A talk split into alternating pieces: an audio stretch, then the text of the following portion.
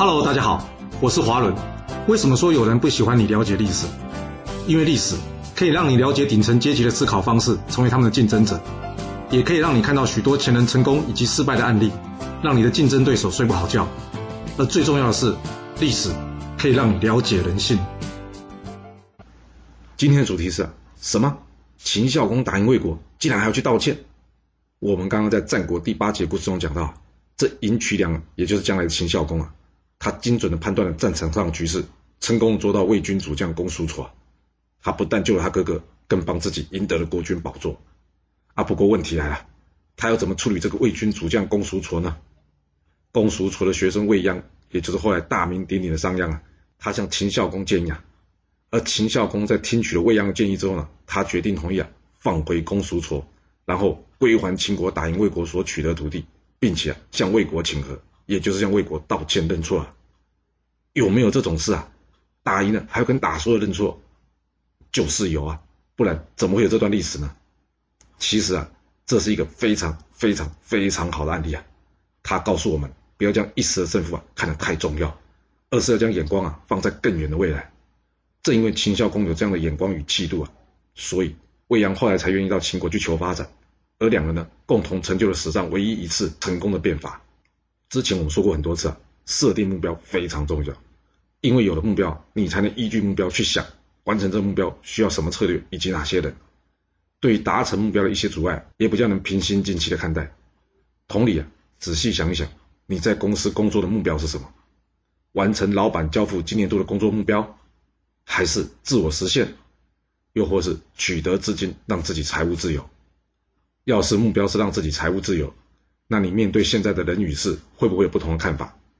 不同的目标将会决定不同的行为，更会让你对于这个过程中所发生的事产生不同的反应。而学校教育不也是如此吗？我们在学校求学的目标是什么？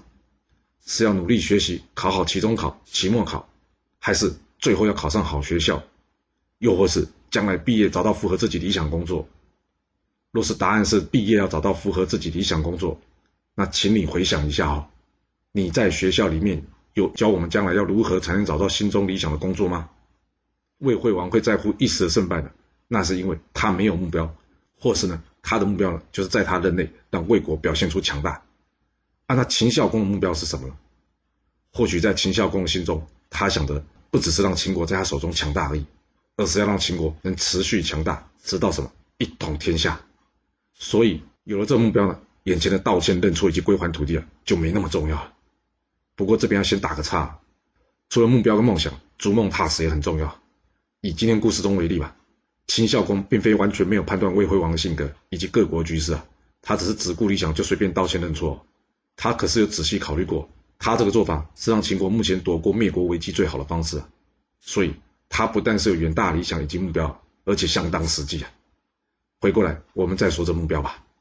我记得有一次我在跟我们公司经销商老板们闲聊的时候啊。突然间听到对方一句话，那就是啊，经销啊、代理啊都是无根的生意啊，什么意思？就随时有可能啊就没有了。所以呢，他可以说是今朝有酒今朝醉啊。听到这，我很好奇，问这经销商老板：那既然是无根的生意，那您的对策是什么呢？他回答我说：哪有什么对策啊？当初我会走进这一行也是一个偶然，后来发现好赚，那就一股脑栽进去啊。现在投资这么多了，不收回来实在有点不甘心。所以只好一条黑走到底，继续下去了。有没有觉得上面说法跟秦献公之所以发动河西之战有点像啊？一开始是为了生存，但是后来投资越来越多，就越放不下，啊，甚至没有注意到再投资下去，不但血本无归啊，还可能会倾家荡产。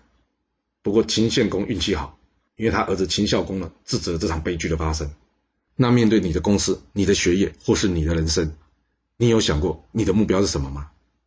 是一天过一天，到明天去想明天，还是你有仔细想过，你真正想要东西是什么呢？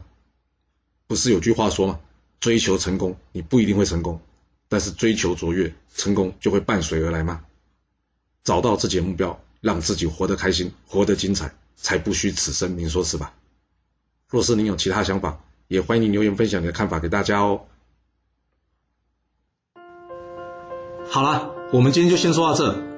若是你想要知道完整版的故事内容，欢迎您可以到说明栏中找到我爱故事频道的连结。要是你喜欢这个频道，还要麻烦您动动你的手指，点赞、订阅、追踪，或是给我五星评价的支持，以及留言分享哦。谢谢您来收听，我们下次再见。